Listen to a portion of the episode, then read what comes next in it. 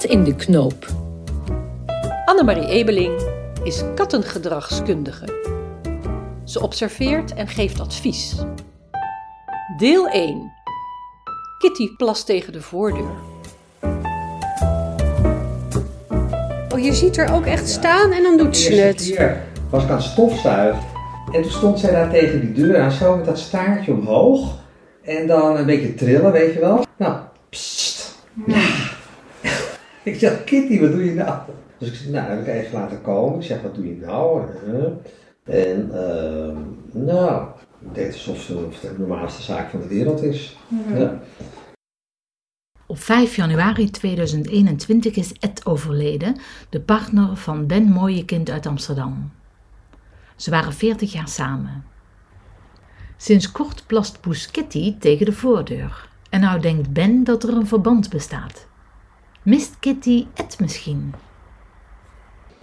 Dat heeft ze nog nooit eerder gedaan. Nee, nooit. Nee. Nee. Nee. Nooit. Heel bizar. Ja. Ja, en toen dacht ik natuurlijk ook van ze mist Ed. Tijdens een consult aan huis doet Annemarie de anamnese. Het medisch dossier van Kitty hebben we nu voor ons liggen. Heel interessant. 5 september 2010 is haar geboortedatum. Ja. Het is gewoon gemiddeld. Ze is niet dik, ze is Nee. niet dun. Ziet er goed uit. Vacht ziet er goed uit. Eh, ze is gesteriliseerd, dat ook. ja. En ze heeft verder helemaal geen gezondheidsklachten. Eh, nee, de gebitje is toen helemaal gesaneerd eh, bij de dierenarts. En verder, nee, had ze nooit. eh, Kom maar. Kom maar. Kitty, Zo, kom eens gezellig erbij. kijken. Niet weglopen. Hi liefie. Dag lieverd, wil je even ruiken? Ja? Kitty mag op het lichamelijk vlak dan wel kerngezond zijn, volgens Ben. Op geestelijk vlak valt er misschien nog wat winst te behalen. Kitty heeft veel last van stress. En soms bijt ze. Nee, dit- is dus ook eh, stress. Kind, wat doe je? Kom eens, kom maar. Ik zie het aan de oortjes en ik zie het aan die staart. Ja. Hè? Die, die zwiept heel druk heen en weer. Dat een beetje dat trekken met, met de vacht, dat Ja. is ook een teken van stress. Je ziet dat ze echt heel erg op ter hoede is. Maar toch is ze steeds aan het kroelen. Ze is toch steeds aandacht aan het vragen. En als ik dan wat verder ga, dan kan ze opeens weer happen. Kind, kom eens, kom eens. Kom maar, kom maar. Ja, hap. De hamvraag is nog steeds: waarom plast Kitty sinds kort tegen de voordeur? Mist ze het? Of is er een andere oorzaak? En Kitty ehm, had een, een even grote voorliefde voor jou als voor Ed? Of was er nog een voorkeur? Eh, nee, eigenlijk beide wel. Ja, maar Ed is schrok altijd van dat gedrag. Maar dat kwam natuurlijk door zijn ziekte. Hij was veel te bang dat hij gebeten werd. Ja. Als je dan een eh, Nee. ontsteking krijgt Nee. of zo, dan... eh, Mouwt ze veel? De laatste weken lijkt wel of ze pijn heeft, want dan kan ze opeens eh, gaan likken aan de staart en aan de kontje. En dan maakt ze allemaal geluidjes. Zo. Ik zeg, ik wat Kitty, heb je pijn? En dan gaat ze een beetje zo verder nou. En dan is ze zo heel gestrest, is ze daar aan het likken. Heeft Kitty stress omdat ze Ed mist? Of heeft ze misschien pijn? Kitty is geboren in 2010. Ze is dus 11 jaar oud. Dat is eigenlijk al eh, in, in eh kattentermen geriatrisch. Oudere katten die eh, krijgen vaak artrose. Oh. Ja, daar zat ik ook aan te denken. Stel dat ze nu artrose heeft, dan is dat misschien het probleem. Nou, ze- dat zou best kunnen. En dan is zo'n bak als deze eh, ook lastig. Een bak als deze? Over wat voor een bak gaat het hier? Annemarie is inmiddels op expeditie in het huis van Ben. De kattenbak staat in het washok. Kitty is een hoogplasser.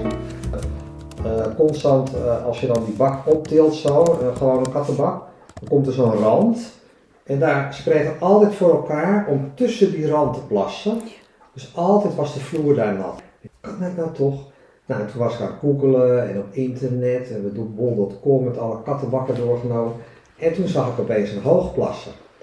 Dus ik denk, oh Kitty is een hoogplasser. En toen ben ik eens gaan kijken. En inderdaad, ze staat dan zo'n beetje tegen die wand aan met een gatje.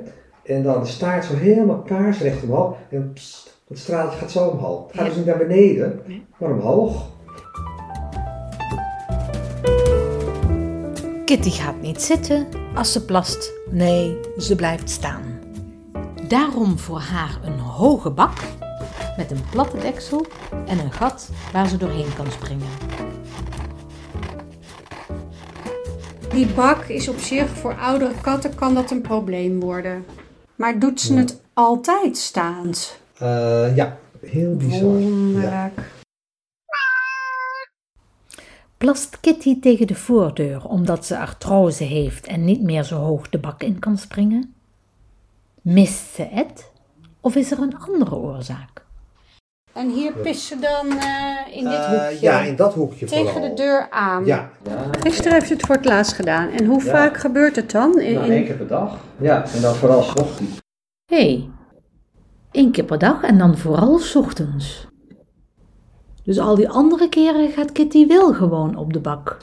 Ja, ik, ik heb ontdekt nu de laatste tijd dat het een, eh, een soort tendens is van als ik naar mijn werk ga, s ochtends om half zeven, zeven uur, dan gaat ze daar nog even staan plassen. En dan heb ik haast natuurlijk, en dat kan ik helemaal niet hebben. Ze maakt even snel schoon. Maar dan lijkt het net, dat komt dan op mij over, van ja, je mag niet weg. Zo, dat idee heb ik dan.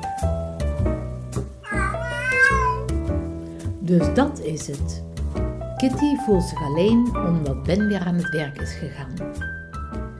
Heeft Annemarie adviezen voor wat afleiding? Je zou ook kunnen denken aan eh, een voedingspuzzeltje. Dus dan stop je die brokjes niet in een bakje, maar in een, eh, ja, dat, die, bestaan er bijvoorbeeld van kunststof.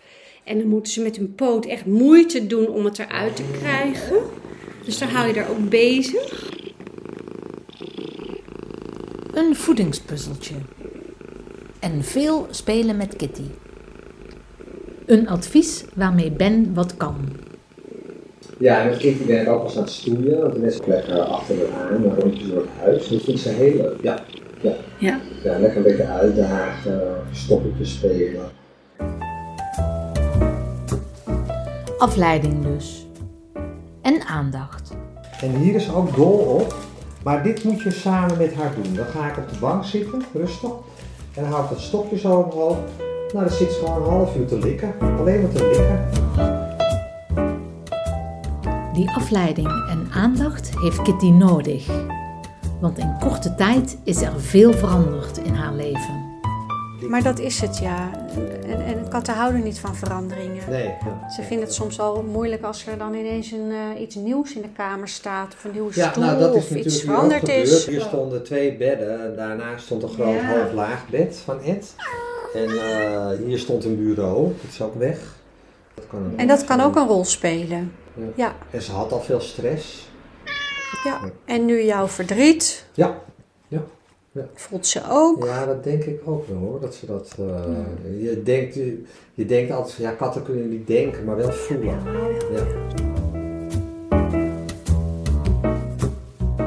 Tot slot staan Ben en Annemarie nog even stil bij een heel bijzonder monumentje op de slaapkamer. Dus Ed, Ed vergeet ons nooit. Dit zijn Zit. Ed daarin? Ja, ja, ik doe altijd een kaarsje aan s'avonds. Nou, beetje gezellig kletsen. ja. Wat mooi Ja, ja, ja. dat dat kan, hè, zo. Nee, maar dat wilde hij ook zo. Hij wilde hier staan. Dat was zijn Oh. laatste wens. Ja. Want hij lag daar. Hij zei, daar wil ik staan. En dan kan ik jullie altijd zien.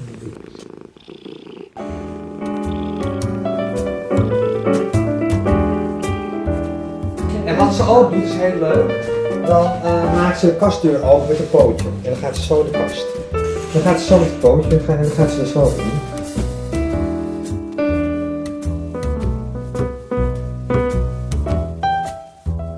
In de Knoop is een podcastserie van de verhalenmakers Riet Duimstee en Chiara Soldati. Je luisterde naar deel 1 Kitty Plas tegen de voordeur